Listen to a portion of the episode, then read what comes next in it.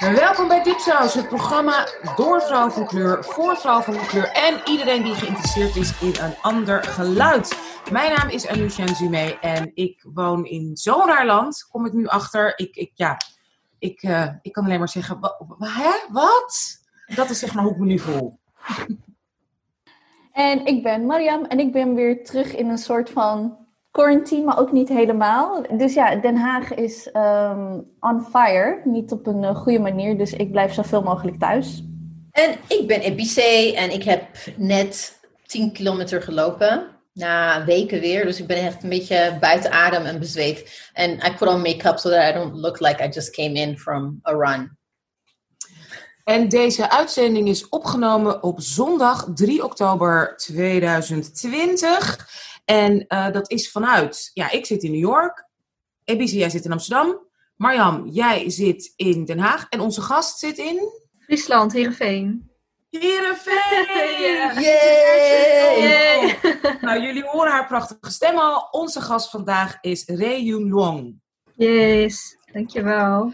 Um, even een huishoudelijke mededeling weer. Uh, zoals jullie weten, via www.tipsaus.org kan je abonneren op onze podcast. Daar zie je de relevante links naar iTunes, Spotify, Stitcher en Overcast. Laat ook alsjeblieft een recensie achter op iTunes. Dat vergroot onze zichtbaarheid. En abonneer je eerst op de nieuwsbrief van Anousha, Dipspatches out New York, We're Waiting News. Waarin zij een inkijkje geeft in hoe het is om in de VS te zijn in deze, in deze roerige tijden. Um, ten tweede, abonneer ook op onze nieuwsbrief voor artikelen, winacties, weggeefacties. We gaan weer een uh, weggeef, uh, boeken weggeven doen deze week. Hou ons uh, verschillende platforms in de gaten. And also, you can also buy our books, our dip books. De Goede Immigrant, Sister Outsider en Afrolit. dat kan via ons partners website uitgeverijpluim.nl slash boeken. En iets nieuws, als je iets kan missen en ons wil helpen kan je eenmalig uh, doneren of een abonnement nemen op Dip, Dipsaus via www.vriendvandeshow.nl backslash dipsaus. En last but not least, vergeet je ook niet op te abonneren op onze nieuwe Dipsaus productie, een andere, de Spectrum podcast, waarin de queer ervaring centraal staat. Yes. Um, ik heb haar naam al net genoemd, maar ik heb haar nog niet aan jullie voorgesteld. Vandaag hebben we een, uh, bespreken we een, een, onderwerp dat we ook al heel erg lang willen bespreken. We hebben het heel veel met elkaar over gehad. En uh, in de vorige aflevering zelfs hebben we, hebben we het een beetje besproken. Ik vind het ontzettend belangrijk, dus it's been long overdue. We gaan het hebben over anti-Asian racism bias in de Nederland. In Nederland. Iets waar eigenlijk iedereen zich wel een keer schuldig aan heeft gemaakt. Hè. Het is, ik, het is ongelooflijk hoe ontzettend genormaliseerd is om te lachen om Ushi. Of uh, inderdaad, uh, die, die, die leuke Aziatische man. Uh, een keer een programma Ik hou van Holland. zelfs um, verjaardagsliedjes op crashes is het ontzettend heel normaal om Hanky Panky nog wat. En nou, ik ga het niet eens zeggen, verschrikkelijke teksten. Lachend met z'n allen te zingen. waar kinderen gewoon bij zijn. Ja, ongelooflijk. Ik krijg kippenvel als, ik zelf nu eigenlijk denk aan mijn eigen onbedoelde, vrolijk, vriendelijk bedoelde, grappig bedoelde eigen reflexen. Dus ik ben ontzettend blij en trots dat bij ons. We, gaan het echt hebben over onze eigen zelfkritiek. We kijken heel streng naar onszelf. En we zijn ontzettend blij dat, dat we een gast hebben die, die, die hè, zich ons vertrouwt. Die ons hier, nou niet in de studio, maar van het huis met ons mee wil praten. En dit emotionele werk wil doen. Hartstikke bedankt. Um, ik heb het over onze gast Rei Long. Uh, Rei mag ik zeggen. Ze is een van de oprichters van Asian Raisins. En in haar eigen woorden is dat een multidisciplinaire. Uh, oh, ze is in haar eigen woorden een multidisciplinaire ontwerper. Met de focus op fotografie en digitaal ontwerpen. Dat is jouw werk. Maar je houdt je dus ook bezig met Asian Raisins. Je gaat straks uitleggen wat dat precies betekent en waarom deze naam. Je bent afgestudeerd uh, voor interactief ontwerp aan het Friesland College 2020. En je hebt ook de kunstacademie gedaan in Groningen. Ja, uh, grafisch en time-based design. Ik heb geen idee wat het is, wil ik ook weten. Super interessant. maar ten eerste, welkom jullie. Yes, welkom. Yes. Welkom in de digitale studio. Yes, finally. yes, yes, yes. Super tof. Dankjewel voor de introductie. Helemaal vergeten dat we de beest. We hebben weer tijd voor de beest. We hebben tijd voor deze. We hebben geen politieke crisissen waar we meteen in moeten duiken. We kunnen intro's doen. We kunnen, we kunnen gewoon weer dipsaus doen. En dat doen we met onze klassieke bulk of BBBB's. En de bulk of B's zijn de burns, de big ups, de binges, de broadcasts, de books. Anyways, gewoon iets wat je leuk vindt. Iets wat je wilt benoemen. Um, doe vooral mee.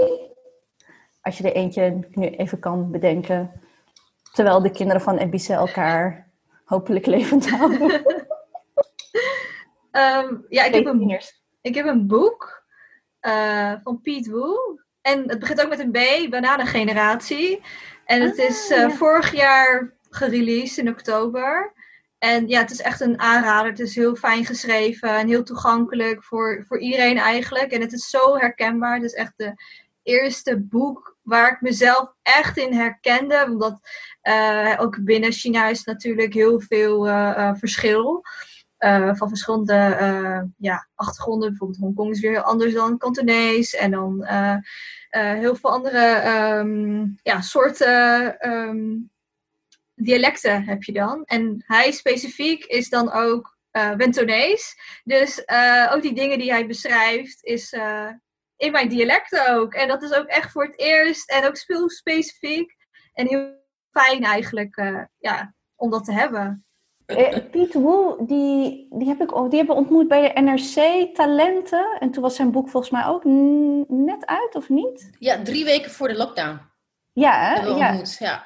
Want bij hem is er nog ook, want hij had het toen daar ook over queer zijn. Echt een super interessant verhaal. En ook zo'n onderbelicht, um, ook vanuit zijn achtergrond. Dus uh, echt wel een. Uh, ik heb het boek niet gelezen, maar zeker een aanrader. Van wat ik heb gehoord van veel. Uh, bijvoorbeeld Ria's van de Spectrum podcast, die is ontzettend fan van, van Piet. Ik, had, ik heb alleen één B eigenlijk. Dit keer. Verrassend genoeg.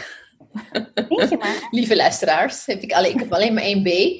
En mijn B is the B van binge and not reading, but watching. Because the, the only way I can like empty my mind. Ik ben redacteur, ik lees veel. Dus for, the, for fun, I don't read. I watch movies. En dat is Queen of the South. Het is een series op Netflix. Er zijn vier uh, afleveringen inmiddels. Nee, vier, vier seizoenen. En Queen of the South is een serie. Origineel is het een uh, La Reina del something or other in, in, in Spaans. Uh, origineel is het een Mexicaanse telenovela. Maar uh, Amerika heeft het opnieuw. Um, I think Fox Network heeft het opnieuw uitgebracht. En de serie draait om de vele trials and tribulations of uh, Teresa Mendoza. En uh, Teresa Mendoza is, was een eenvoudige geldwisselaar in Mexico, op de grens Mexico-Amerika van een geldwisselaar naar een succesvolle narco-empress van Noord-, Midden- en Zuid-Amerika. Uh, zeg maar, you could say it's Breaking Bad, but then with a badass woman in de hoofdrol. En, een Latina. Ja. Een Latina. En zij was, uh, dus ze begon als vriendin van Guerrero, who is a drug runner. Is een piloot die dan drugs vervoert. Cocaine, by the way. Let's, let's be clear Oh, what, what they're... Oh, geen appels, avocados? Ja, geen, a- geen appels en... Nee, they use appels en avocados to hide the cocaine. Kijk, je leert nog eens wat. ja. Maar Guero is haar vriend die haar gered had van haar... Uh, when she was doing a geldwissel, he, he saved her from her boss was really nasty. And uh, Guero werkt voor Don Epifanio. He's de drugsbaron die aspireert om uh, gouverneur te zijn van Sinaloa in Mexico. En uh, Guero ste steelde van Don Epifanio. So they killed him, that's what they do. And she had to run. And she run to Texas, waar de vrouw van Don Epifanio is weggegaan omdat ze geen zin meer had in haar man. Is ze gewoon weggegaan om haar eigen emporium te beginnen. Dat, is uh, Camila Vargas. And she starts working for her. And she slowly climbs her way into the, uh, into the empire. En het is echt, het is best wel, ja, het is natuurlijk gewelddadig. En het is natuurlijk, het gaat om cocaïne. Het is niet, you know, it's just like Breaking Bad. And you start like sympathizing with the hoofdrolspeler. And the fact that it's a woman is what I like. And she, what she does is, she tries to be a drug empress with a heart. Dus ze probeert juist niet de, ja, ze probeert Sorry, ik moest de lachen. mechanismes niet te, te reproduceren. Dus vrouwenhandel, beating up women, dat soort dingen. Als ze het in haar omgeving ziet, wil ze het stoppen ten koste van zichzelf. En haar, eh, ze, dus ze brengt zichzelf en haar mensen in gevaar door every time she goes to save women. Gewoon, basically. Oké. Dus eigenlijk, het- ja, het is it's really completely twisted. Wacht even, maar zeggen ze eigenlijk van als je een vrouw bent en you're into drugs, you have a soft heart? Kennelijk. I don't know, but that's the thing. So this is like this is like the American version. So now that I'm done with the American version, I want to watch the original one, the telenovela, because it's actually based on een waar gebeurd verhaal. There is this woman, there's a drug baron, de vrouw van in Mexico. Die, die bestaat echt, ze is wel opgepakt. Dus het is wel, het is een based on a book, maar gebaseerd op echt. Er was wel ooit iemand die een vrouw was die een drugsbaron. Dus ik ben benieuwd. En they have like fabulous shoes, hun schoenen. Heeft iemand gekeken? Ik, ja, ik heb het geprobeerd, ik vond het niet goed. Nee, ik ook. Het is Ik niet heb, goed. Ik heb, ik heb één aflevering, heel veel rennen of zo moesten. Het is Rennen, toch- Zo slecht gespeeld. Zo. Het is heel slecht. Het is- Ja. I mean, het is, het is geen. I mean, this is not I may destroy your level of. Nee, daarom, ja. Nee, this is geen HBO production. This is like Greenleaf. Oh, En zo, ja, precies, daar kan ik ook niet tegen. Ik kan gewoon niet tegen. Er is nu zo ontzettend veel. Dus als ik niet inderdaad binnen 20 minuten denk van, oh my god, ja. Okay, nee, but this is soap. So because it's soapy, I love it. Love it.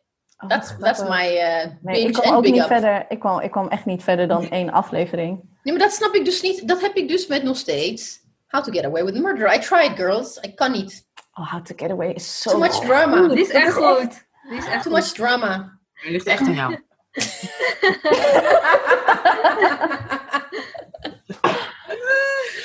Anusha. Ja, ik heb, ehm, ik heb een paar dingen. Ik, omdat ik in het rare land leef, probeer ik gewoon te snappen van what the hell is going on. Dus ik luister naar een podcast van ehm, Michael Cohen. Die podcast heet ook Mea Culpa. Hij was de personal lawyer van Donald Trump, echt jarenlang. Die, die echt vast zat in zijn, wat hij zelf zegt, cult. Ehm, alles druiste in tegen zijn principes. Eh, hij zegt zelf dat hij, geen, dat hij geen racistische voordelen heeft. Sterker nog, hij probeerde ook mensen van kleur in, bla, bla, bla, in zijn orbit te krijgen en alles. En hij heeft al zijn dirty work opgelost. Zijn gezin smeekt hem om te stoppen. Dus moeten we naar een ander land verhuizen. Hebben alles gedaan om hem eruit te krijgen. Is niet gelukt. Uiteindelijk heeft hij nu twee jaar bijna vastgezeten. Omdat hij degene was die, die, eh, zeg maar die eh, sekswerker en adult filmstar heeft uitbetaald. En dat kreeg hij terug van een soort van campagnegeld. Dus het was hartstikke frauduleus allemaal. Maar degene die ervoor in de gevangenis kwam was dus Michael Cohen, die personal lawyer van Trump. Dus ik luister naar die podcast om weet je, want hij interviewt dus heel eerlijk ook mensen die ook allemaal in zijn orbit vast hebben gezeten. Ik lees nu ook over lekker gesproken en een beetje soapy en goed, weet je, niet super geweldig geschreven boek, maar wel pakkend. Het boek van de ex-beste vriendin van Melania eh, Trump. Eh, zij heet, heet eh, Stephanie ehm, Winston Wolkoff, weet ik van een van de dubbele naam. Dat is zo irritant trouwens, vind ik, van ehm, e-readers. Het is ontzettend moeilijk om gewoon even te kijken, oh, hoe heet die vrouw ook alweer? Dan ga ik terug naar het begin van het boek en dan Ja. staat er zo, we, puntje, puntje, puntje. En dan denk ik, ja, ik wil gewoon even die hele naam lezen. Dan klik ik op details. En dan krijg ik, ja, details, weet ik veel, ISBN-nummer. En nog steeds niet haar hele naam. Ik bedoel, what the hell? Dit is een B van Burn. Het is de e- voor de e-readers. meteen naar e-readers. Van jongens, Welke heb je dan? eh, ja, ik heb, nou, nee, niet zo oud. Volgens mij heb ik hem gekregen toen in 2017 als cadeautje van mijn kinderen, omdat mijn eigen boek uitkwam. Is een Kindle. Nee, volgens mij geen Kindle, die andere. Kijk, Nee, nee, Kindle. Wel Kindle, Kindle. Oh, echt? Kindle. Hmm. Of is dat Amazon? Ik weet het niet. Jawel, Amazon is Kindle. Maar is heel fijn. Oh. Nee, het is wel fijn, maar met dat soort dingen is het heel onhandig als je gewoon even snel een naam wil opzoeken. Nou, anyway, dat is even tussendoor een burn. Ehm, dus dat boek is interessant, ook omdat het gaat dus, want eh, wat, ze hebben dus on- enorm gefraudeerd tijdens de inaugural eh, festivities. Dus hè, als je dus eh, president wordt, dan mag je dus een heel, heb je een heel week feest. En daar hebben ze heel veel geld voor opgehaald om dat te doen. En dat boven de 100 miljoen dollar. En daarvan zijn, nou, ik geloof tientallen miljoenen gewoon verdwenen. En ook daar hebben ze gewoon die beste vriendin van Melania, die ook helemaal vast zat, die echt met nekpijn, operatie aan de nek nog aan het werken was, terwijl ze ook steeds dacht, waarom doe ik dit? Ehm, hebben ze haar gewoon eigenlijk gewoon ehm, voor de bus gegooid en gezegd, ja, het ligt allemaal aan haar. Gewoon, Melania, haar best, ze waren al twintig jaar bevriend. Nou heb ik geen medelijden met die vrouw. Weet je, het is een beetje, het is, ja, sorry, white on white crime. Altijd lekker om te lezen, zeker nu in Amerika. Uh, die, die, zich wel zorgen maakte om hoe ze met dieren omgingen, maar niet met zwarte mensen, weet je wel. In diezelfde tijd gebeurden allemaal verschrikkelijke racistische dingen. Zij die walgelijke dingen over allerlei landen, Afrikaanse landen, Zuid-Amerikaanse landen. Daar zegt ze niks over. Dat is wel zo van, oeh, nou, ja, ging wel een beetje ver. Maar met dieren en zo, weet je, dat, is, dat was voor haar de limit. En eigenlijk pas toen die Milania haar dumpte, had ze zoiets van, wat heb ik gedaan? Maar het is een fout, super conservatief, weet ik veel, super rijk, weet ik veel, elitair mens. Maar juicy. Maar, maar juicy. En she's a really good Karen. She's got all the receipts. Dus zij heeft alle e-mails bewaard. Ze heeft alle appjes bewaard. Ze heeft alle sms'en bewaard. Ze heeft haar opgenomen dat ze voelde van... hé, hey, dit gaat mis. Ze heeft alles opgenomen. En ze, ze release nu steeds, zeg maar, de Melania-tapes. Dus... Oh. Ik dacht dat het nep was, want ik zag het op TikTok. Dat, uh, dat, dat, uh, dat ze dan voor kerstmis of zo, dan moest Melania iets gaan organiseren. En dan hoor je haar zo klagen van dan I'm working and fucking this and fucking Ze zegt fuck Christmas, terwijl ze hier, de conservatieven, zijn dan boos op mensen van kleur en activisme, omdat wij kerstmis proberen af te pakken en stuk te maken, weet je wel, omdat Ja. we ook andere feestdagen willen vieren. Ja, en dan Eh, moet ze iets doen met kinderen of zo, homeless kids en, en dan komen die fucking kids. En ik dacht, dit is een grap, omdat ik zag het op TikTok. Maar het is echt. Ja, de kids in cages, waar ze het hier over hadden, vluchtelingenkinderen uh, van de Zuid-Amerikaanse grens, die uit, van hun ouders apart zijn gehouden en gewoon gevangen zijn gezet. Daar heeft ze het over. Zo van, ja, de fucking dit en fucking dat. En Obama was er ook niet mee bezig. Hoezo moet ik daar dan mee bezig zijn? Ja, ja, Echt afschuwelijk. Het is, het is Wow. horror. Horror om te lezen. Wel interessant. Heeft het nut? Wat? Uh, dat the thing is what I don't understand. Niet what I don't understand. No, it is what I don't understand about the situation met Trump. Wat hij, hij heeft zoveel schade berokkend aan echt de fabric of the country. Elke keer komen er gewoon dit soort dingen naar, naar boven, maar hij blijft nog steeds president. Nee, maar nu, weet je, het net wordt steeds strakker gespannen. Eh, het komt nu zo van alle kanten. Dit kan niet meer. En nu natuurlijk ook met, die, met, met zijn tax returns. En dat hij maar eh, in federal taxes 750 dollar heeft betaald. En weet ik veel. En eigenlijk gewoon ook. Dus hij is allebei niet. Hè? En hij is geen multimiljonair. Hij is geen biljonair, zoals hij zelf roept. Hij heeft gigantische verliezen geleid. Echt boven de 500, 600 miljoen. Hij heeft gewoon op een of andere manier steeds leningen gekregen. Daarom leeft hij nog. Zakelijk. En heeft hij nog villa's en weet ik veel. En hij betaalt geen belasting, omdat hij dat dan zijn schulden gebruikt om geen belasting te hoeven betalen. Dus het is double whammy. Hij is en geen miljonair en hij betaalt zijn taxes niet. Al zijn vrienden, ik bedoel, dit, dit, is, aan het, het, dit is aan het vallen. Dit, dit kan niet anders. Dit, dit kan niet anders. Ik hoop zo. I hope so. I'm just, I'm just, we zijn zo van muur geslagen door alles. Ik denk van, totdat hij echt weggaat, I'm gonna, gonna believe it. Nee. Nee, dat is waar. Hij gaat vast van alles proberen. En wat heel eng is, is met dat hij die Proud Boys heeft, hè, eigenlijk heeft, Ja. heeft van stand back en stand by. Ja. En die zijn, is een hele enge, neonazi-achtige, enge witte mannengroep. En die zijn helemaal, die hebben allemaal t-shirts laten printen daarmee en zien dit echt als een soort eh, oproep. En ze willen dus bij de stembussen zogenaamd gaan beschermen dat er wel eerlijk wordt gestemd. Maar ze gaan natuurlijk gewoon mensen intimideren. Ja, Dus- precies. Ook, het is super creepy nog hoor. Ik, Ja. We zijn er nog niet. Maar het net wordt wel steeds strakker gespannen. En ik denk nu die ook nog eens zwak is. Terwijl hij ah, zonder masker liep. En weet ik veel. En op dat event waar hij dus die nieuwe nominee heeft geïntroduceerd voor de, voor de, voor de Supreme Court. Dat is een superspreader event. Er zijn gewoon nu al tien mensen hebben positief getest. Ja. Trainwreck. Nou, dit Maar er wordt, toch wel, er wordt wel toch gezegd dat hij is gonna rig the, the election. Ja. Hij gaat alles doen. Hij gaat Hij alles gaat alles proberen. alles proberen. Maar ik denk, ik bedoel, ja, ik denk dat zelfs, dat zelfs Poetin nu zoiets heeft. mm, Zo, wil ik dit wel? Moet ik dit wel willen? opeens conflict. Oh my goodness. No, the thing is, the reason, why I'm saying, the reason why I'm asking all of these questions is natuurlijk alles zie ik voorbij komen. Conspiracy theories tot aan van alles en nog wat. Maar one of the things wat, wat ook reëel, een reëel dreiging is, denk ik. Want heel veel landen gebeurt, misschien nu, waarom niet Amerika, is dat if he doesn't get re-elected, it might, het kan echt gewoon niet per se een all-out civil war, maar echt gewoon ongeregeldheden in, in Amerika. Die kans is heel reëel. Die kans is heel reëel. Kijk, dit is natuurlijk een gigantisch land met bijna 400 miljoen mensen. Maar vergeet niet, ik geloof maar 60% van de bevolking heeft überhaupt stemrecht. Ja. Daarvan stemt geloof ik maar, nou 70%. Weet je, dus ik, van de 400 miljoen mensen, nog geen 100 miljoen mensen geloof ik stemmen. Ja. En hij heeft ook vorige keer niet de popular vote gewonnen. Hè? Dus de meeste mensen hebben niet op hem gestemd. Vanwege het rare kiesmannensysteem, dat elke staat zoveel zeg maar, punten Mhm. eh, heeft.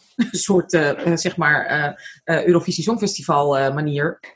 Ehm, heeft hij het, is hij president geworden. Niet omdat de meeste mensen op hem gestemd. En dat is nu heel erg aan het shiften en flippen. Plus ze hebben nu echt, ze hadden in 2016 geen rekening gehouden met, ehm, want die zijn heel moeilijk om te polen, om, om te onderzoeken. Dat zijn white non-college voters. Dus inderdaad de angry, hè, boze witte mannen. Eh, daar hadden ze niet zoveel rekening mee gehouden die fanatiek zouden stemmen. En plus wat het verschil was, veel minder zwarte mensen zijn gaan stemmen. Nou, daarom zijn de Republikeinen zo ontzettend bezig om de stemmen, het stemmen zo, om hier te stemmen. Kijk, in Nederland, je, krijgt, je wordt 18, je krijgt gewoon iets in de brievenbus, klaar en hij heeft succes. En over twee, je hebt twee weken de tijd om het een beetje te regelen, maar je hoeft niet je ergens te registreren. Je hoeft niet ergens je paspoort, weet ik veel, te laten zien, weet ik. Je krijgt het gewoon, toch? Vanaf je 18 of zodra je Nederlands, hè, Nederlands staatsburger bent. Hier moet je, ik weet niet door hoeveel hoepels springen, om überhaupt te mogen stemmen. Dus heel veel mensen die 18, 20 of 22 zijn, die hebben dat nog niet eens allemaal gedaan. Sterker nog, je hebt mensen van in de 40 die, die die moeite niet eens hebben genomen. Want het is een heel gedoe, kastje naar de muur. Het is hier mega bureaucratisch. Helemaal nu. En de Republikeinen doen alles om het nog moeilijker te maken. Dus waar je zeg maar in, eh, eh, weet ik veel, Tennessee op 20 plekken je kon registreren. In zeg maar zwarte buurten. Of gemengde, hè, waar mensen van kleur wonen. Kan het nu maar op één. Terwijl er een Mm. gezondheidscrisis is. Ja, ja, maar er wordt nu toch ook. eh, ik luister The Daily, dankzij jou, Anusha. Echt elke dag. The Daily with Michael Barbaro, our husband. En. our husband, yeah. Oh, oké. Eh, is zo grappig. Maar daar hadden ze het over van. Er was een aflevering over ehm, eh, eh, stemmen via de post.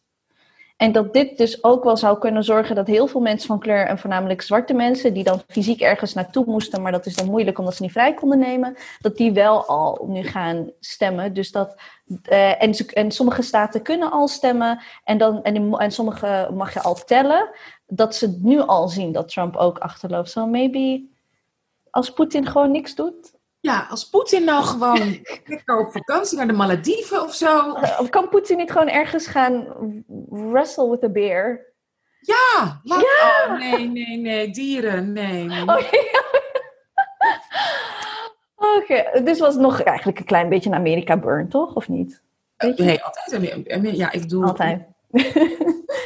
Ik heb ook een B en dat is weer een broadcast. Oh, ik heb zo'n leuke podcast ontdekt. Het heet Appearances en die is van Radiotopia. En het is een one-woman's podcast. Het is een, narrative fiction podcast, maar ook eigenlijk niet helemaal. Dus het is een beetje autobiografisch, maar ook niet. Het gaat over een ehm, Iranian, ehm, eh, Iranian American, eh, Melanie Barzadeh. En zij is 30, dus dan dacht ik, oh, ik ben ook 30. Ze wil kinderen, oh, ik wil ook kinderen. Maar hoe ga je dat doen met, je bent mid 30, je hebt een beetje, je zit in een best wel eh, tight community als het gaat om iedereen houdt je een beetje in de gaten. Je bent al eigenlijk oud, hè, volgens, eh, volgens de familie om een kind te krijgen. En hoe ga je dat regelen? Maar zij, in de, het, er is maar één aflevering, dus het is een wekelijkse, echt zo vervelend. Ik wil gewoon alles in één keer horen. Ik vind het heel vervelend als ik een podcast ontdek, ontdek dat net is begonnen. Weet je, ik heb liever dat er een podcast een jaar geleden is begonnen en dat ik ontdek en dan kan ik alle twaalf gewoon in één keer raad gaan luisteren.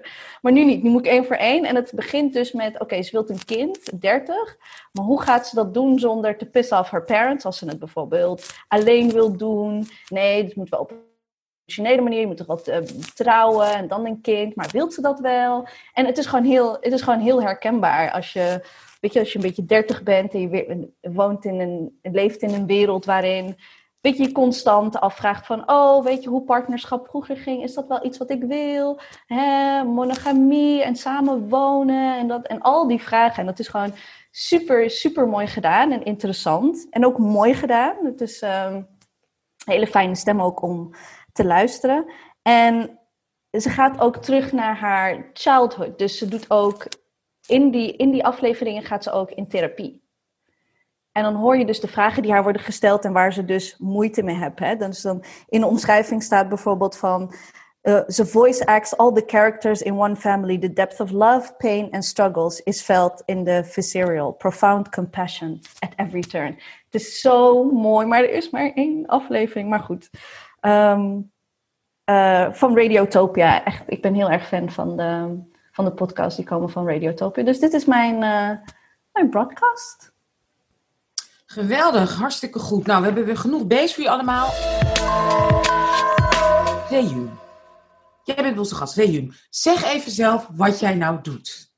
Oké, wat doe ik? Ik doe heel veel dingen tegelijk. Het is echt een hele waslijst eigenlijk. Dus uh, ja, eigenlijk uh, ja, noem ik mezelf als een ja, multidisciplinaire ontwerper. Uh, waar ik dus ja, kunst maak van collages. ik doe fotografie, videografie, maar maak ik ook logo's, posters, huisstijlen, zeg maar. Um, daarnaast heb ik nog een webshop, Shop Chokers, waar ik gewoon chokers maak, design en uh, ja, verkoop. En daarnaast uh, maak ik ook kaarten, huwelijksuitnodigingen, tafelkaarten, welkomstborden, dat soort dingen. Dus echt wel een beetje in de bruidsbranche eigenlijk. En uh, daarnaast heb ik Asia Races opgezet in begin maart. Wat begon met de Facebookgroep eigenlijk. En ja, de naam Asia Racins komt eigenlijk van wat zwarte mensen hebben, is Black Don't Crack. En daar voor Aziaten is het dus Asians don't raisin. Maar ah. omdat Aziaten um, te maken hebben met racisme en discriminatie, krijgen we dus wel rimpels. Dus vandaar Asian raisins, Aziatische rozijnen. Ja. Oh, Heel grappig. Ja. Nice, nice. En kan je ons even meenemen naar inderdaad jouw weg uh, hè, want je bent hartstikke jong om, en je zou denken, nou het is 2020, het gaat toch allemaal hartstikke goed. Um, jouw weg naar inderdaad om een Facebookgroep op te richten en om deze stappen te zetten. Kan je daar wat, uh, hoe, hoe, ja, wat wil je daarvan met ons delen? Want nogmaals, ik ben, het is emotioneel werk wat, je doet. Ja, eigenlijk uh, begon het rond twee jaar geleden, waar ik mezelf op Instagram eerst heb uitgesproken over een videoclip van Femke Louise, waar ze deed aan cultural appropriation. Uh, dus een videoclip waar ze gebruik maakte van Japanse, Chinese elementen. En dan denk je van, wat is dit nou weer? Dat ja, het slaat nergens op. Dus uh, ja, ik heb gezegd wat ik ervan vond. En ik heb gevraagd aan mijn volgers van... hey, want dit was de eerste keer dat ik dat ooit deed. Wat heel eng was voor mij. En uh, mensen vonden het heel interessant. En uh, dus ik ja, ben mij daarmee bezig gehouden eigenlijk. En vorig jaar had ik me nogmaals uitgesproken. En dat werd viral van, van Rumach eigenlijk. Rumach en René Watsma. Waar hij een video uh, met een caption dat heel racistisch was, heeft geplaatst. En uh, gelukkig vonden heel veel mede-Aziaten dat allemaal niet oké. Dus vandaar dat het ook viral werd en in het nieuws kwam. En uh, toen kwam het echt eigenlijk uh, aan het licht ook bij mainstream media voor het eerst. Waar ik ook bijdrage aan heb geleverd.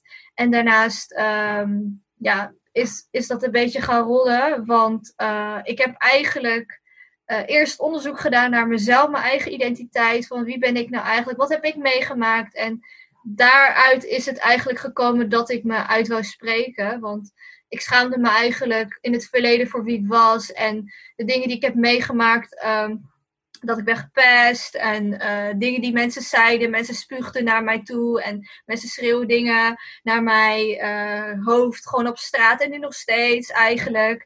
Gewoon Jing Jong en Sambal al die dingen. Waarvan je denkt, hoezo? Je, ik vind dit ja. verschrikkelijk.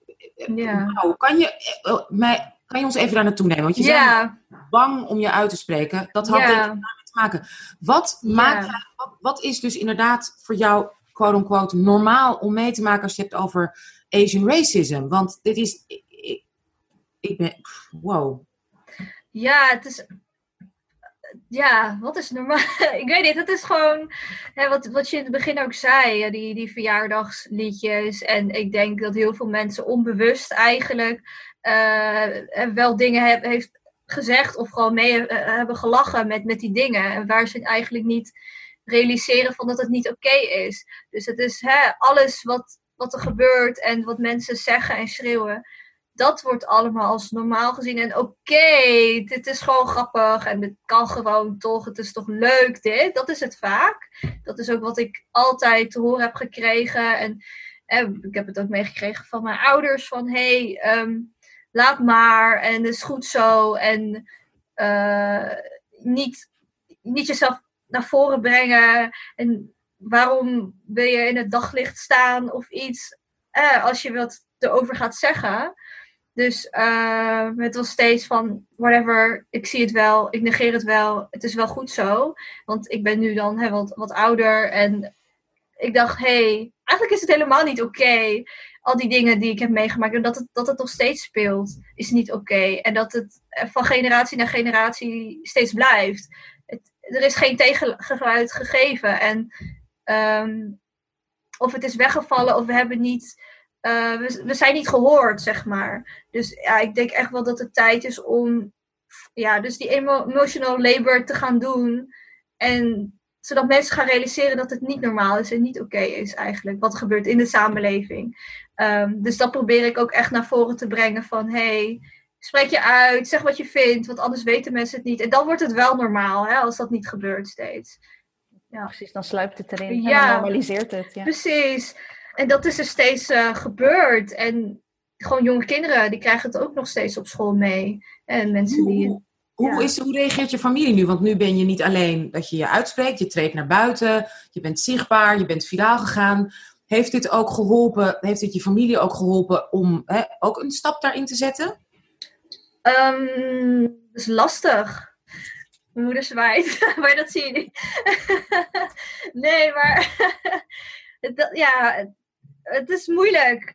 Uh, ze zijn heel bescheiden ook. En nu ook bijvoorbeeld als mijn moeder binnenkomt. Ja, mijn moeder wil liever niet in beeld. Of uh, die vindt het allemaal een beetje gek en apart. Maar ze is ook wel weer naar de ene kant trots. En dat ik wel um, daar naar voren uh, durf te gaan, zeg maar. En wel een beeld durf. Ja. Heel herkenbaar. Dus, want, mag ik even onderbreken? Is jouw moeder eerste generatie immigrant? Ja. Oké. Ja, eerste generatie. Ja, en dus ik ben tweede generatie. Maar ik weet ook dat heel veel Chinese Nederlanders zijn uh, tweede generatie. Maar dan ook een stuk ouder bijvoorbeeld. Ja. Dus uh, dat, daar zit ook verschil weer in. Um, dus ja, ik ben nog best wel jong. Weet je waar ik ook aan moet denken? Uh, dus ook, volgens mij was het ook een podcast van de Daily.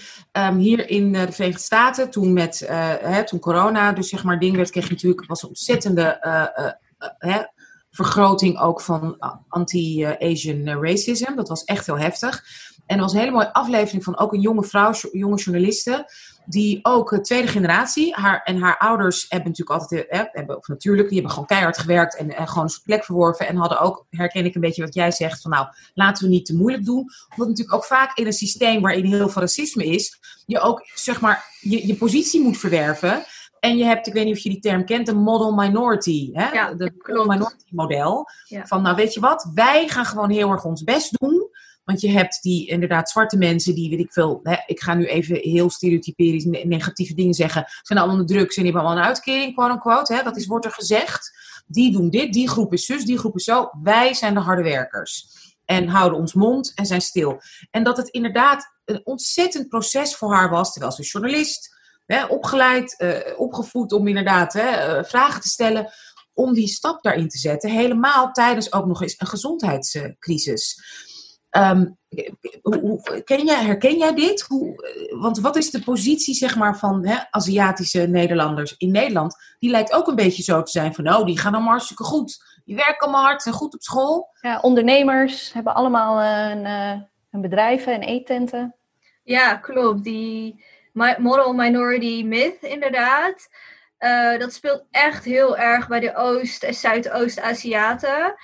Um, ja, ze hebben gewoon allemaal dikke vooroordelen eigenlijk, uh, wanneer ze uh, naar mij kijken ook.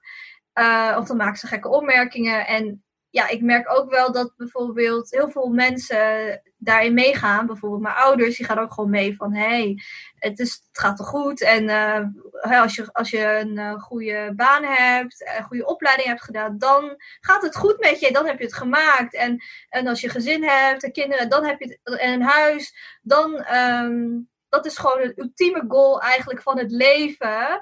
En voor de rest, dan moet je je allemaal niet mee bemoeien. En uh, dat uh, hoort gewoon zo, dat hoort er gewoon bij eigenlijk. Maar je ziet ook wel echt uh, dat het niet oké is, die model, model minority myth. Want niet, dat is ook weer generaliseren. En, en niet iedereen is zo. Of die, die hebben zulke strict tiger mom parents bijvoorbeeld. Um, van heel, ja, heel streng en dat je uh, heel hard moet werken altijd en uh, moet gaan luisteren naar de ouders. Dat, dat, verschilt ook heel erg. Uh, binnen, binnen de Aziatische community zit ook heel veel verschil in. Maar um, ja, als je ook zeg maar moet gaan voldoen aan die model minority myth, dan ga je ook wel twijfelen aan jezelf. Van hé, hey, uh, nee, ik werk niet zo hard en nou, het gaat niet helemaal goed met mij. En ik ben, dat niet, ik ben niet die, uh, uh, ja, dat, dat, dat gevoel of, of, of wat mensen zien in mij, dat ben ik niet. Uh, en het is ook heel toxic ook naar uh, de uh, zwarte gemeenschap. Want heel veel mensen die zeggen dan ook van... Hé, hey, maar en die Aziaten, het gaat heel goed met hun. Dus neem een voorbeeld aan hun. Maar ja, dan denk je, wat is dit nou? Want dat slaat ook helemaal nergens op. Dus dat is echt... Ja, het is heel moeilijk om, om ook gewoon daaruit te komen. Dus we, ja, we proberen ook hè, die bewustwording daarvoor te creëren. Ja, ja. Het is echt een klassieke uitspeelstrategie ja. van, van, van minderheden, vooral minderheden dan hier in een, in een wit land. Van, ja. uh, en dat zien we ook in, in Nederland. Hè? Dus dan heb je van, oh, maar kunnen, kunnen Marokkanen niet iets harder werken om, uh, om uh, te, te zijn als de goede. Ja, precies. En dat slaat ook helemaal nergens op. Want dan, ze zeggen dat wel vaak. Hè, veel witte Nederlanders die geven aan van... Hey, Wees ook uh, zoals die Chinezen of zo. Nou, hoe bedoel je? Wat, wat, wat is dit? Omdat wij zogenaamd dan uh, stil zijn, niks zeggen, niet naar buiten toe treden en niet ons uitspreken over uh, wat er echt gebeurt in de samenleving. Dus ja, ik vind het wel dat het tijd is om die tegengeluid te geven en aan te geven dat het niet zo goed gaat eigenlijk met, ja. met de Aziatische community eigenlijk. Um, ja, en dat dat generaliserend beeld eigenlijk totaal niet oké okay is. En gewoon heel toxic. Mm. Voor, voor alle minderheden. Ja, ja voor, het is goed dat je dat eventjes uh, over, uh, over begint over inderdaad dat generaliseren. En ook je zei daarnet over het Oost- en, Oost- en Zuidoost-Azië. Ja. Want ik wilde ook eventjes praten over de definition of Aziatisch. Want ja. je hebt ook Turkije, India, Afghanistan yes. valt ook allemaal onder Azië. Ja. Dus zou je iets, want en Asia is not a country. Yes. Ja, dus it would be, it would, I think for, uh, uh, ik heb ook het idee dat dat ook gebruikt kan worden om te zeggen, maar het geldt niet voor iedereen. Dus yeah. can you like, what do you mean when, when, when you talk about anti-Asian racism? Waar hebben we het precies over? Ja, Um, nou, waar Asian Raisins voor staat, is sowieso iedereen die komt uit het continent Azië. Dus ook hè, Pakistan, India, Turkije. Hè, want daar binnen, binnenin zie je ook gewoon heel veel internalized racism. En ook gewoon naar elkaar. En colorism, van hé, hey, maar uh, die uh, is zwart, dus dat is niet goed. Dat heb je ook nog steeds, wat ik merk in mijn eigen uh, omgeving. Van de Oosten, Zuidoosten, Aziaten eigenlijk. Wat helemaal niet oké okay is. Dus al die dingen ook binnen de community is niet oké. Okay, en dat probeer ik ook aan te kaarten. Mm -hmm. En Um, inderdaad, uh, het wordt inderdaad vaak gegeneraliseerd. Aziaten wordt vaak gezien als dus Oost-Aziatisch, wat uh, Japans uh, mm. uiterlijk, Koreaans en Chinees uiterlijk is. Mm. Um, en ja, wat, wat we dus bedoelen met de, de, voorbeelden die ik dan noem als Hanky Mhm. Panky Shanghai, al die dingen, dat is dus Zuidoost en Oost-Aziatisch. Ja. Racisme, ja. En is het, is, het moeilijk, is het makkelijk geweest of moeilijk geweest om die uh, verbinding met elkaar te zoeken, ook van alle Aziatische mensen in Nederland, ook also including like de Hindoestaanse gemeenschap, of is dat How- hoe, hoe gaat dat te Hoe gaat, hoe gaat dat? Ja, het is, het is heel, eh, heel verschillend natuurlijk. Het, het ligt ook aan, aan de mensen. Maar eh, ik zie wel dat de groep heel divers is ook. De community. Want we zitten, we zitten nu met, ik denk, 3500 mensen in de Facebookgroep. En we hebben nog een community met, ik denk, 170 mensen. Waar heel veel ook niet-Aziaten in zitten. Dus ook gewoon eh, witte Nederlanders die eh, willen leren over het racisme wat wij te merken mee hebben. Of niet, ja, niet die bewustwording hebben in, in al die onderwerpen. Omdat het gewoon heel onderbelicht is. Maar er zitten ook eh, eh, ja, eh, Turkse mensen in. inderdaad, Hindoestaanse mensen. Ja, Indonesische mensen. Ehm, het is, het is heel divers. Het is echt zo'n divers groep, maar ook gemixt is het ook. En geadopteerden en moeders die eh, bijvoorbeeld een Chinees kindje hebben geadopteerd, die ook vragen hebben. Dus eh, ja, we proberen echt wel iedereen te connecten en gewoon met elkaar te gaan verbinden en eh, gewoon kennis te delen met elkaar. Dus dat is wel heel mooi. En het is ook wel lastig, want we proberen natuurlijk wel een inclusieve omgeving te creëren. Ehm, en we proberen ook anti-blackness eh, aan te kaarten van hey, dit is niet oké, Zwarte Piet is niet oké. Dus wanneer eh, ze zeggen van hé, hey, we willen gewoon eh, Zwarte Piet in, in ons gezin hebben, gewoon dat feest en alles erop en aan, dan zeggen we nee, dat is niet oké. Dus ehm, het is ook binnen de Aziatische groep heel moeilijk om dat eh, naar voren te brengen en daarover te spreken. Want niet iedereen staat daar open voor. Dus dan geef ik ook wel aan van... hey, als je er niet mee eens bent dat, eh, dat we hier tegen zijn... dan kan je beter uit de groep gaan. Want we zijn hier wel echt om eh, ja, te, te gaan leren van de dingen die er spelen in de samenleving. En dat het echt gaat om die inclusieve samenleving en die gelijke behandeling. En ik was ook heel benieuwd naar jullie eh, connectie met Black Asians. Ja, Er zijn ook precies. veel gemengde zwart-Aziatische, ook geadopteerde kinderen. En eh, ja, ondertussen gewoon, gewoon mixen, neem ik aan. He- he- hoe, hoe zit dat? Ik, ik weet hier in, de, in Amerika zijn er volgens mij meer dan in Nederland eh, relatief. Of hoe, hoe, ja, hoe, hoe zit dat in Nederland? Ja, het is niet zo'n hele grote groep. Maar er komen wel, ik zie wel veel eh, gemengde relaties, interracial relations, eh, relationships. Eh, dus er komen allemaal nieuwe gezinnen eigenlijk. En we hebben dan ook bijvoorbeeld, ja, we hebben ook een heel divers team. Want we zitten nu denk ik met 30 mensen of zo, allemaal vrijwilligers. Die werken aan, aan, het, aan het platform.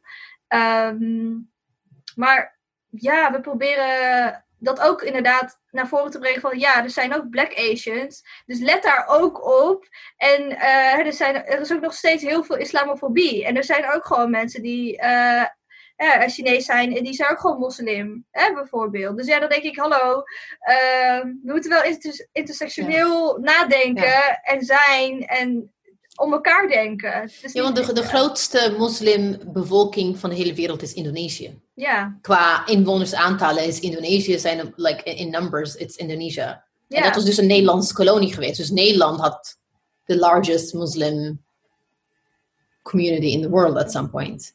Dat, dat vergeten echt heel veel mensen heel vaak. Ja, precies. Ik bedoel, Arabieren zelf vergeten dat ook ontzettend. En hun eigen biasen. En eigen, die denken dat de Arabieren hebben op, een- op een gegeven moment verzonnen van... We are the Muslims of the world. En, eh, en ja, maar ook in, in Marokko is dat altijd heel erg. En, eh, mijn moeder vond het wel, toen ze naar Indonesië ging, zei ze... Oh nee, ik voel, ik heb, het voelt wel als een echt moslimland dit hoor. En dan, wat, what does that mean? Wat? What does that even mean? Weet je wel. Maar ehm, we wilden ook eventjes hè, ook hebben over de afgelopen maanden. Daar hebben we het ook al een beetje over gehad. Ehm, de COVID en het hele, eh, weet je, het, racisme jegens ehm, de Aziatische gemeenschap wereldwijd, waar je ook maar. eh, en ik heb ook de, de, de aflevering waar Anousha naar refereerde, heb ik ook geluisterd. En je hebt ook bij Code Switch allemaal heel veel Amerikaanse podcasts die daar heel veel aandacht aan hebben besteed. En waar, waar ik ook ontzettend veel van heb geleerd. Maar ik moest even gisteren, ging ik daarover nadenken en denk ik van eigenlijk heb ik heel weinig in Nederland over gehoord. Of, of heb ik het gemist omdat ik daar niet op heb gelet? Ik weet niet, kan jij daar iets meer over vertellen? Was er echt aandacht voor of was het gewoon, ik weet wel één kop van nu.nl dat het heel snel eventjes uh, werd gezegd van oh ja, racisme of discriminatie was het volgens mij, stijgt uh, tegenover mensen van, van Aziatische kom af. Um, hoe heb jij de, hoe, wat heb jij de rol, hoe heb jij de rol van Nederland, uh, Nederlandse media daarin gezien? Ja, vooral door COVID uh, is het gewoon helemaal ontploft ook. En ineens was het nieuws um, dat, en dat ze daar iets mee moesten gaan doen. Want dat hadden ze ook nooit gedaan. Ze hadden amper wat, uh, gewoon in mainstream media, RTL, dat soort dingen, weet je, op tv en kranten uh, dan zag je gewoon amper iets over uh, racisme naar uh, Oost- en Zuidoost-Aziaten. En waarvan je denkt van, hoezo is dat nu pas? En hoezo is dat nu pas nieuws? En dan zeggen ze, oh, maar um, dit was toch nooit zo? Maar dan proberen het te zeggen van, dit was er altijd, maar er is gewoon geen aandacht voor. En mensen die schreven daar ook niet over. En ze dachten van, nou, dat valt toch allemaal wel mee. Dat, dat, dat is die mindset die mensen toch het hebben. Gewoon die realiseren van, oh ja, ze doen het wel goed en je hoort, je hoort er niks over. Dus ze maken ook geen racisme en discriminatie mee. Ja. Um, want ze zijn die modelminderheid. Uh, maar uh, ja, door COVID uh, is dat heel. Ja, het is echt bizar hoe dat is gaan. Want het was voor het eerst dat we aan tafel zaten bij de Wereld Door met drie Oost-Aziaten. Ik, Piet Wu en Xiu Yang Zhao. Dus dat was echt ik weet niet, in 15, ik weet niet of ever ik, in Nederlandse media uh, zag je nee. Oost-Aziaten aan tafel op tv, live gewoon. Dat is echt ongelooflijk hoe dat is. Ja. Leuk. Ja. 2020. Ja, 2020. Het is niet, niet, niet oké okay eigenlijk. En voor de rest zag je alleen maar de stereotyperingen en die generaliserende toon of, of gewoon karikaturen eigenlijk op tv. Uh, waar waar ja, Oost- en Zuidoost-Aziaten belachelijk worden gemaakt. Um, en niet serieus worden genomen. En ja, het is gewoon heel gek eigenlijk, COVID. Door COVID eigenlijk alleen maar. En het is ook, uh, wat ik zag, het is ook alleen maar een trend. Het was heel even dat het heel mainstream was en daarna was het weer voorbij. Van oké, okay, nou het is niet belangrijk meer genoeg, dus we doen er niks meer mee. Ja, we hebben het al gedaan. Ja, precies, afgevinkt, klaar. Ja, maar en daarna is het ook gewoon verder gegaan. Uh, dat is dus wat het echt bizar maakt. Again, uh, ook gerelateerd aan COVID, maar ook met de 5G. De 5G-telecom-ding, uh, dat, begon, dat was al vorig jaar en de jaar daarvoor al. De, de, de, de racism en xenofobia, which is verholen achter, ja, maar moeten we wel de 5G uh, binnenhalen, want we weten niet wat we in huis halen. Weet je wel? Dus dat, het is, het is nog steeds iets wat zo onderdeel uitmaakt van ons uh, narratief. Dat you don't even realize that these things are ook rooted in xenophobia en not just bang zijn voor een grootmacht als China. Nee, het heeft ook echt de manier waarop de, de kranten en de journalisten over schrijven, is, het has dat zweem van. Het, het, gaat om de mensen, het gaat niet eens om, om, om, om, om uh, het echt bang zijn voor technologie. Because if they were really cared about privacy, hadden we Google, een Apple, een WhatsApp niet in huis gehaald. Maar dat doen we wel. Because if it's like, as long as it's our spyware, then it's okay. If it's somebody else's spyware, dan is het, weet je wel. Dus ik vind het best wel... Ja, uh, ook... Het is jammer dat die... Oh, sorry. Ja, nee, ook even with, again, wat ik zei over hoe je met de pandemic moet omgaan. Er zijn westerse ontwikkelde landen in Azië, in Oost-Azië, die het met succes hebben kunnen indammen. Ja. Wat let Europa om deze mensen te vragen: We don't know what the hell we're doing. You guys know what you're doing. Come help us. Nee, ze zijn letterlijk elk land, ook in Europa, elk land is het wiel opnieuw aan het uitvinden, want we weten het beter. En ja. ondertussen gaan honderden duizenden mensen dood ik, het, het kan het, ik, I can't, ik kan het gewoon niet bevatten.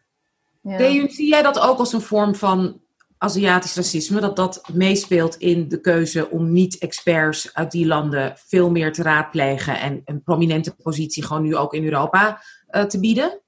Ja, zeker. Want je ziet ook gewoon dat ze niet luisteren naar uh, ja, landen zoals China. En, en waar ze dus uh, al zoveel jaren ervaring ermee hebben gehad om, om zulke uh, dingen te gaan voorkomen. Um, en dan denk je, hoezo? Maar dan zie je ook echt gewoon het verschil. Of, en wat, wat Abby zei, van wat, hoezo? Dat slaat gewoon helemaal ja. nergens op. Ja, ik, ik, ja, het is gewoon bizar. Ja, maar same ja. ook in West-Afrika. Dus dat artikel, dat, die had ik, ik zag dat je die had gedeeld, Ebise. Dus Senegal heeft, een geweldige, heeft het geweldig aangepakt. En ook, ook in Nigeria. En dat heeft te maken met dat ze hebben geleerd van een ebola-tijdperk. Snap je? Dus, en dan nog steeds de arrogantie van de westerse wereld. Om dan te denken, nou nee, wij gaan een intelligente maakte ook een grap. Ik was aan het wandelen en dat ik zei: Ik zit in een intelligente quarantine, want ik, ben, ik, ben, ik, loop in een bos. Weet je wel, echt de. de ja. Het is, het is ongelooflijk. Als je het hebt over hè, stereotypering en racisme, uh, er speelt natuurlijk ook seksisme mee. En um, hè, als je het hebt over inderdaad naar onszelf kijken, is, is het vaak in de zwarte gemeenschap gezien dat van oh, Aziatische vrouwen hebben het makkelijker dan zwarte vrouwen. Die worden gezien als, net als Arabische vrouwen, ja. uh, we hebben het makkelijker dan zwarte vrouwen. Ten eerste, heel veel zwarte mannen vallen ook. Ik ben nu heel stereotyperend bezig. Het is absoluut niet op feiten gebaseerd. Maar die vinden dat mooiere vrouwen zelfs dan wij zwarte vrouwen. En dan ben ik nog eens light skin. Dus nou, dan zit ik nog wel een gaatje, zeg maar, de positieve kant op. En dan is mijn haar nog hè, vrij makkelijk. Dus blablabla die stereotypering maakt het, heeft het voor mij vaak, omdat ik in een witte omgeving opgroeide, vaak lastig gemaakt om intieme vriendschappen, realiseer ik me nu, te hebben met Aziatische vrouwen. He, omdat er letterlijk een soort onbesproken uit elkaar houden, of Arabische vriendinnen, een soort van, hè, want je bent allemaal, helaas moet je vechten om gezien te worden, om inderdaad te overleven, om niet inderdaad, zoals jij letterlijk het meegemaakt, uitgesteld te worden, zoals ik ook heb meegemaakt, letterlijk jongens achter me aan zitten en dingen naar me gooien en weet ik veel. Um, ik vind dat, dat is zo ontzettend heftig. En kan jij wil jij met ons delen wat die stereotypering voor jou heeft gedaan? Growing up, young, beautiful woman in een witte omgeving. Wat die is, hoe jij die specifiek ziet. Want ik heb daar mijn gedachten over. En Marjan heeft haar daar gedachten over als Marokkaanse Nederlandse. Ik mijn gedachten als Afrikaanse, nee, Russische. Wat, wat, wat, wat, wat waren die mechanismes volgens jou? Wat zijn ze volgens jou? En hoe ben jij daarmee omgegaan? Hoe ben jij daarmee opgegroeid? als je, als je opgroeit in een witte omgeving, dan, dan kijk je ook eh, naar wie, wie, heb je om je heen. En ook heel veel naar de media, naar tv. En dus uh, ik denk dat heel veel mensen uh, die niet worden gerepresenteerd, wat ik, wat ik zelf ook had, uh, want je zag gewoon helemaal niemand die op je, leek. En anders was het een stereotype of karikatuur. En dan, ja, soms dan, dan, dan zie je bijvoorbeeld een mysterieuze uh, Aziatische, Oost-Aziatische vrouw die niks zegt en onderdanig is. Of, of weet ik veel wat. Zonder enige lijst. Die staat er gewoon voor de, versier, voor de sierdecoratie. Um, en dan ga je, ga je ook denken, hé, hey, um, misschien ben ik dat ook wel. Als je dat ook alleen maar ziet, dat die beeldvorming. Uh, en ook als ik dat meekrijg van mijn ouders, van hé, hey, ja, je moet niet uh, uitgesproken mening hebben, je moet niet naar voren gaan, je moet gewoon doen, uh, gewoon een beetje normaal doen. En dan is dat wel gewoon goed en prima. Dus dan ga ik, ga ik ook wel denken van, hé, hey, ja, misschien moet ik dat ook doen, misschien ben ik dat ook wel. Dan, dan ga ik dat ook geloven, van die stereotypen, die dingen. Ik ben dat ook, dus ik moet me ook zo gaan gedragen, want anders hoor ik er niet bij, want dat is de norm ook. Ja, ja, ja. En ja.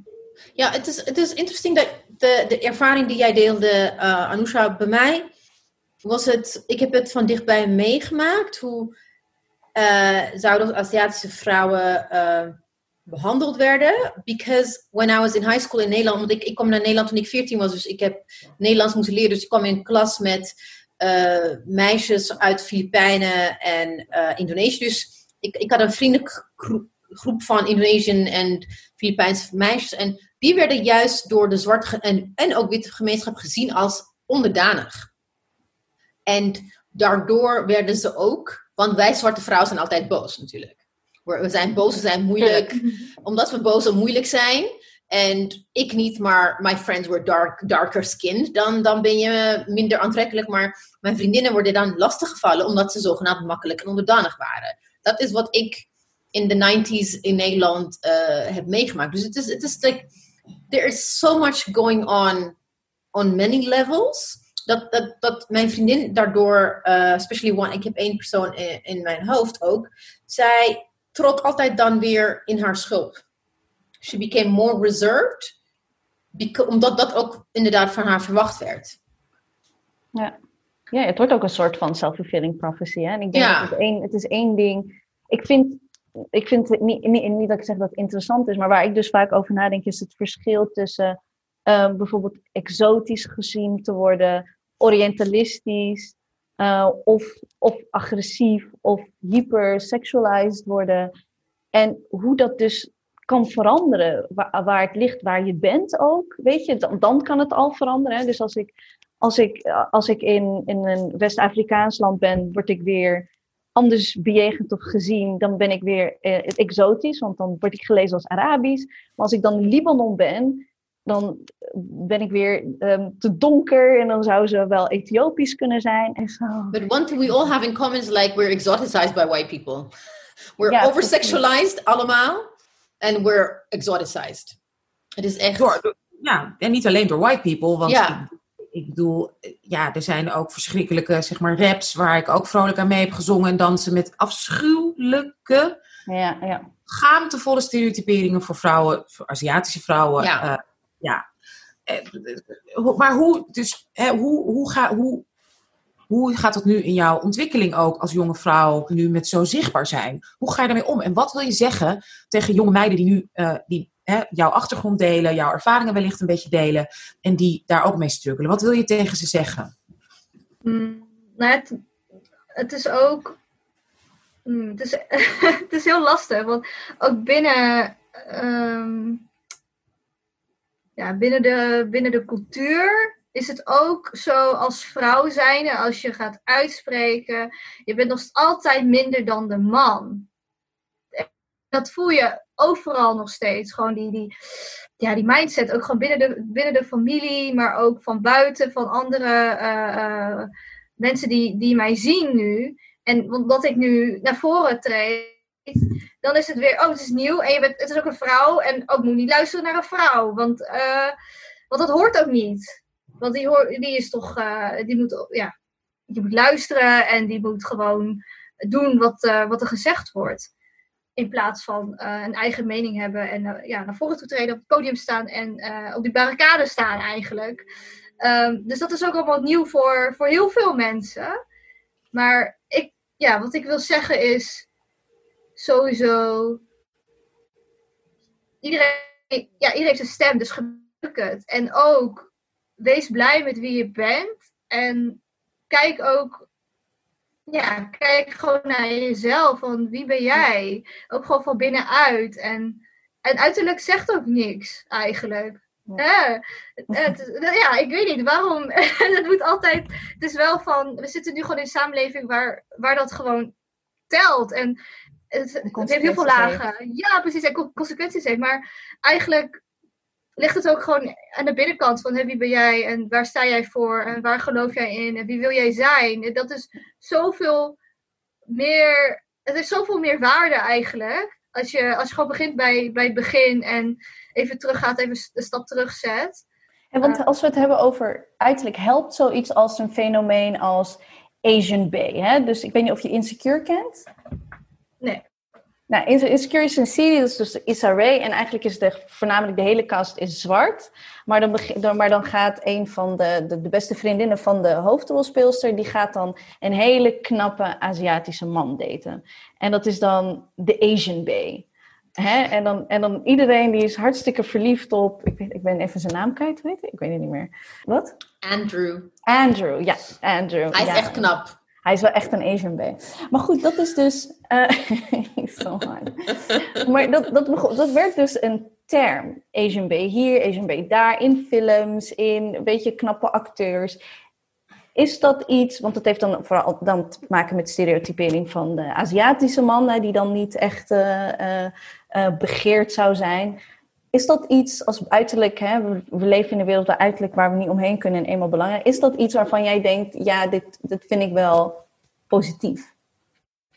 Mm, het is heel moeilijk, want de mannen worden in mainstream media, media worden ze gedesexualiseerd en vrouwen worden overgesorteerd. Dus dat is echt die tegenstrijdige eh, dingen die, die er gebeurt gewoon in de samenleving. Maar ook als je kijkt naar uh, K-pop, wat nu heel uh, groot is. Hè, daar worden, worden de Koreaanse mannen wordt dan helemaal overgeseksualiseerd weer. En dan heb je, ik weet niet of je de term kent, Korea Boos. En, um... Nee, wat is dat? ja, um, vaak jonge, jonge meiden, jonge vrouwen eigenlijk, die helemaal uh, gek zijn van uh, K-pop eigenlijk. En het zijn vaak uh, ja, bands, ja, jong, jonge, ja, jonge mannen eigenlijk, die heel goed kunnen dansen, goed kunnen zingen en alles kunnen eigenlijk. En heel, ja, ze zien er dan wel misschien wat meer vrouwelijker uit dan in, in de westerse wereld, zeg maar. Maar um, zij zijn helemaal gek van, van, van, van wat daar speelt. En ook het uiterlijk, dat willen ze. En dan willen ze alleen maar daten met Aziatische, uh, ja, Oost-Aziatische mannen. En vaak dan Koreaans, want dat is cool. En als je Chinees bent, of Filipijns, of, of iets anders dan Koreaans, dan is dat niet goed. Want dan, dan behoor je niet tot dat uh, beeld of zo. Want Koreaans is dan wel cool. En de rest is niet cool. Of ja, ik weet niet, heel vaag. je, moet het, je moet maar eens kijken hoe dat gaat. Ja, het, ze worden ge, they're fetishized. Ja, fetishized. Ze zijn echt gefetishized. But the thing, the difference, I'm, I'm, I have to defend Insecure a little bit. Maar the thing is, okay, wat Insecure juist anders maakte, is dat juist een all-black cast en een all-black uh, creative team, juist omdat, uh, net zoals zwarte uh, mensen worden Aziatische mannen en vrouwen niet als aantrekkelijk gezien door mainstream. Dus wat ze juist gedaan hebben, is juist door hem ook te koppelen aan een zwarte hoofdrolspeler. The woman, the leading lady, one of the leading ladies is a black woman. Ook echt de donkers van de alle vier. They are trying to, ze willen juist dat uh, stereotype van onaantrekkelijke, juist twee onaantrekkelijk undesired people, die gaan juist samen ze vormen een, een couple. En, Gorgeous couple. En echt, het is gewoon niet normaal hoe mooi ze allebei zijn. Ja. and uh, as, as a result, they, they, they said like they did it on purpose to, om dat stereotype van un, undesirables te doorbreken. En, en as luck would have it, de hoofdrolspeler in zijn echte leven, he's dating a black woman. So black Twitter is like, everybody wants to marry him. Ja. Ja. dat wilde ik even zeggen. Ik vond trouwens de film, ik weet niet of jullie het gezien, Always Be My Maybe. Uh, heb je die gezien op Netflix? Ik, vond, ik vond die subtiel, zeg maar, in die zin ook zo mooi en goed gedaan. Omdat uh, de hoofdrolspeler, hij is hilarisch en grappig, maar werd zeg maar nooit inderdaad stereotyperisch gezien als de knappe hunk.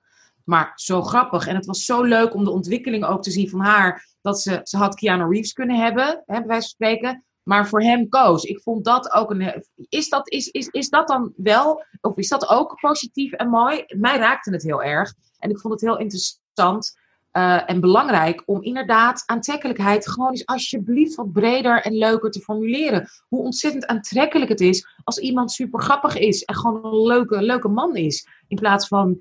Uh, ja, afstandelijk, maar wel sexy en je weet niet wat hij zegt. Ik vond dat Keanu Reeves dat ook geweldig deed waarin hij zijn eigen aantrekkelijkheid gewoon zo onderuit haalde. Hoe, hoe, heb, hoe heb jij die film ervaren? En is het, denk je dat dat een gezonde film is voor jonge, voor jonge meiden? Ja, ik denk echt uh, dat het wel een van de toffe films zijn waar je gewoon de juiste representatie ziet. En waar mensen zichzelf gewoon in her kunnen herkennen eigenlijk. En dit is echt een heel goed voorbeeld uh, daarvan. Voor, voor jonge vrouwen ook. En dat ze gewoon in zo'n mm. uh, romantische comedy uh, ja, kunnen zien ook. En wat vaak heel wit is eigenlijk. En wat eigenlijk heel vreemd is. Dat het uh, niet vaker gebeurt. Omdat je, dat dit maar één van de weinigen is die er eigenlijk zijn. Ehm, maar ja, ik vond Ja. het echt een hele fijne film. Echt super tof en een hele leuke cast. En eh, ja, heel herkenbaar. En heel ja, leuk en mooi geschreven ook. Ja, Dus eigenlijk, the thing is, okay, you, you, you live in a, in a dystopisch land, maar ze doen het wel beter dan Nederland when it comes to Asian representation. ja zeker. echt waar. Ja, maar ze zijn ook veel verder. Ja. Ja, Wat dat betreft wel, ja. Je ja. En je hebt hier ook, ik weet niet, Insecure heeft dat natuurlijk gehad. Ik heb het jullie wel eens eerder verteld. Je hebt een hele interessante eh, website en, en eh, juist inderdaad eh, beweging die zwarte vrouwen aan Aziatische mannen koppelt. Eh, op Facebook heb je er groepen van en dating sites en weet ik veel. En dat is echt ontzettend ontwikkeling. Een soort van, ja, wij worden maar een soort van achtergelaten. hey, zullen we het eens met elkaar proberen? Ja, want dat, de, de, mech- de mechanism also workt tot nu toe om al die verschillende groepen tegen elkaar uit te spelen. Want de Asians daar, ze presteren, ze zijn goed, ze zijn slim. Maar at the end of the day, ik denk ook door Trump, you, you see how at the end of the day, wie is aan de top en we worden allemaal tegen elkaar uitgespeeld. Dus het is beter om samen te zijn en, en to change the system, dan, dan elkaar gewoon eh, aan te vallen. Ja, ik ga daar nog ook een, in de show notes een hele mooie aflevering van Code Switch. Ehm, daar gaat het over de geschiedenis van de Civil Rights Movement en de rol van de Aziatische gemeenschap daarin. Hè? Want er wordt altijd een beetje het idee ge- getekend van ehm, dat, dat de Aziatische gemeenschap daar heel weinig mee had, maar het waren een van de pioniers. Ehm, vooral in, in Californië. En die ga ik zeker. eh, Ja, ook because, during the Second World War, there were internment camps in Amerika van Aziaten. Die werden gewoon echt in kampen gestuurd because, during the war, uh, Second World War. Dus het is echt- there's so much going on, dat waar wij ook gewoon, dat Echt waar lang. wij, ja, Dat- dat- want na, na Pearl Harbor, dus ze hebben echt tot, tot dik na het einde van de oorlog, hebben, mensen hebben er vier, vijf jaar vastgezeten. ja. Eh, ongelooflijk. Heel veel dus werk voor jou eh, eigenlijk aan de winkel. Eh, wat kan je ons vertellen? Wat zijn nou de volgende, de belangrijke stappen voor Asian Raisins? Het ziet er, op de website ziet er geweldig uit. Inderdaad, 30 vrijwilligers. Eh, ja, natuurlijk met multidisciplinair. Die, nou, die multidisciplinaire, wat? multidisciplinair. multidisciplinaire talent. Ehm, prachtig. Wat zijn de belangrijkste stappen? Wat kunnen we hopelijk, eh, als er tijd en energie en eh, niet allemaal vreselijke andere di- dingen gebeuren, verwachten van Asian Raisins? Eh, sowieso toffe content, informatie, geschiedenis, awareness eigenlijk. eh, over eh, de- ja, de geschiedenis en alles. Ik weet niet. Gewoon alles wat nog niet is geschreven. En dat, we moeten echt gewoon bij nul beginnen. Omdat het gewoon niet mm, heel weinig is gedaan in Nederland. Ehm, ja, we proberen, ja, we proberen gewoon naar voren te komen en onze stem te laten horen. En ook samen te werken met eh, andere eh, stichtingen, groepen en discriminatiebureaus. En ehm, ja, onze stem, stem laten horen overal. Van, wij zijn hier en wij maken dit ook mee. Dus het enige wat we kunnen doen is ja, samenwerken. En Ja. Onszelf laten horen. And I hope we can do this like on a structural level as well met Dipsas. Of het nou via onze website is. We, hebben ook, uh, we, we, we maken ook, uh, I mean, we, we publish essays. En, Ja. en als er iets is wat wij voor jullie kunnen doen. Je, nu heb je ons, mijn nummer heb je. You know, you know where to find us. Dus gewoon, just gewoon vragen. We, we co-produceren ook podcasts. Ja, Oh ja, Ah. Cool. Oeh. Klopt. leuk. Subtiel, Anousha. Nee, maar dus if, if, if in any way we can help, dan, dan weet Ja. je gewoon dat je aan ons jasje kan trekken. Mhm. Ja, tof. Super. Echt leuk. En we gaan door naar nog een segment. Oh, heerlijk. En dat is, zijn de DDD's. We gingen eerst van de BBB's naar de DDD's. En de DDD's staan voor D van dipsausen, D van drinken en D van dansen. En dan is dipsausen, dat ga ik even voor je uitleggen. Dipsausen is wat wij eigenlijk al ruim vier jaar doen. En dat is in een groepsapp alles met elkaar delen. Eh, BH-maten, lippenstiftkleuren, tassen, tassen, tassen, tassen, tassen. Eh, klagen over tieners, blijven ze altijd tieners? Of kan ik ze eventjes weggeven? Dat soort dingen. En ehm, ik ga je drie namen geven. En van die drie namen moet je kiezen met wie je wat gaat doen. Yes? Oké. Je hebt Sandra Oh van Killing Eve en Grey's Anatomy. Een Koreaanse-Amerikaanse actrice, toch? Volgens mij eerste Emmy-winnares. ever. Ehm, Oké, ja. En twee, eh, Wendy van Dijk en Famke Louise. Sorry, babe. Oh, je bent, staat toch op mute? Eh, sorry, sweetie. Ja. And we can't help you. Moet het helemaal zelf doen. Sorry. Oh. Oh god. oh. Oké, nou ik denk Sandra O sowieso. Dipsausen, denk ik. Good Want Zij is choice. gewoon Leuk. super tof. Ja, want echt ook in Killing Eve. Ik heb, ik heb de hele serie gezien, gewoon in één dag. Ik dacht, dit is echt geweldig. Ik moet een nieuw seizoen. echt waar. oh, ik wil het. En, ehm, oh, even kijken. Ja, Wendy van Dijk, volgens mij. Wendy van Dijk. Oef. ja, ik denk met haar drinken dan. En we- ja, gewoon vragen naar, hey, eh, wat vind je nu van die stereotyperingen, dingen dat je hebt gedaan? Want ze wil daar niet op reageren, niet in interviews doen of, of wat Heeft dan daar ook. nooit, nooit, nooit Nee, over afgesproken? nee, ze wil gewoon niet eh, eh, praten daarover. Wat ik lees hè, in de, in, daarover, over die artikelen. Dus ik ben heel erg benieuwd naar eh, wat ze nu vindt. Ehm, ja, ik, en even kijken. Famke Louise. Ja, Ga dansen. dansen? Dansen! Ja, ik ben wel heel benieuwd naar haar moves. Can move, ze can move, ze can sing. Dus ja, Maar ik wist dus niet van haar dat ze ook een soort van videoclip... Ik weet alleen haar appropriation of black culture. Dat is eigenlijk een Mm. klein beetje... Ze, ze begon ik- echt, she was a video, ze deed dingen op video en, en, en, en, en ik, heb, ik ben eventjes op research gegaan vanwege het hele gedoe. En she started, and she, she, she was also a model and stuff, hè? Oh, ja Maar ik wist niet dat ze ook eh, ehm, Chinese en Japanese appropriation heeft. eh. Ja, eerste videoclip was ze ook in een toko. Ja. Ja, maar dat was wel in Amsterdam en wel multiculturele eh, toko eigenlijk. Maar ja, dan denk je ook van, oké. Ja. Ja. Ik wil nog altijd dat Ronnie Flex on the record zich gaat distancieren van haar. Gaat hij niet doen. Denk het ook niet. Ik denk het Gaat hij niet doen. Mm, nou, He ja, used her. wel erg. Ja. Hij heeft er gewoon... Nee, maar dat denk ik... oh, despite all her flaws, wat ik vond ook gewoon eigenlijk, om eerlijk te zijn, om te talk about sex, the way dat zij aangevallen werd, vergeleken met de Busy's en de Ja, Chuckies en dat ja. soort dingen. Ja, De mannen ja. who instigated all of this, they got away with it. Een Ja. jonge meisje heeft al die shit over zich heen gekregen. Dat vond ik Ja. ook best, het is gewoon oneerlijk. Ja. Seksisme, hè? Ja. Hey, it's everywhere. Ehm, nou, we willen je ontzettend bedanken. Fijn dat je bij ons Ja. doen. Eh, check de geweldige website en de, de, de toekomstplannen van Asian Raisins. Ehm, we willen eh, Dag en Nacht Media natuurlijk ontzettend bedanken. Onze nieuwsbrieffacilitator eh, Review. Nieuwsbrief, yeah, yeah, yeah. Laat alsjeblieft een recensie achter. We zijn een onafhankelijke podcast. Dus het is ontzettend belangrijk dat we jullie feedback krijgen. Dat jullie ons recensies geven. Je kan inderdaad ook doneren, lid worden van ons. eh www.vriendenvandeshow.nl ja, er komt een prachtig, geweldig boek uit, hè? Sister Outsider. Sinds de jaren 80 weer eindelijk een Nederlandse vertaling. En ook nog eens van een Surinaams-Nederlandse schrijver. Jenny Mijnheimer is onze vertaler. We zijn ontzettend trots op het boek. En natuurlijk De Goede Immigrant. Met ontzettend mooie brede verhalen. Scala aan verhalen van mensen die hè, Nederland hun thuisland eh, maken.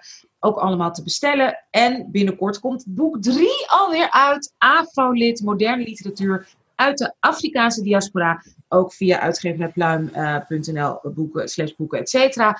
Ik voel daar ook leuke samenwerkingen in aankomen. Qua schrijven en. Ja. Daar gaan we ook nog over praten. Nou, nogmaals, dankjewel Rehu Wong van Asian Raisins en multidisciplinair kunst. Yeah! Is gelukt. onderstroom.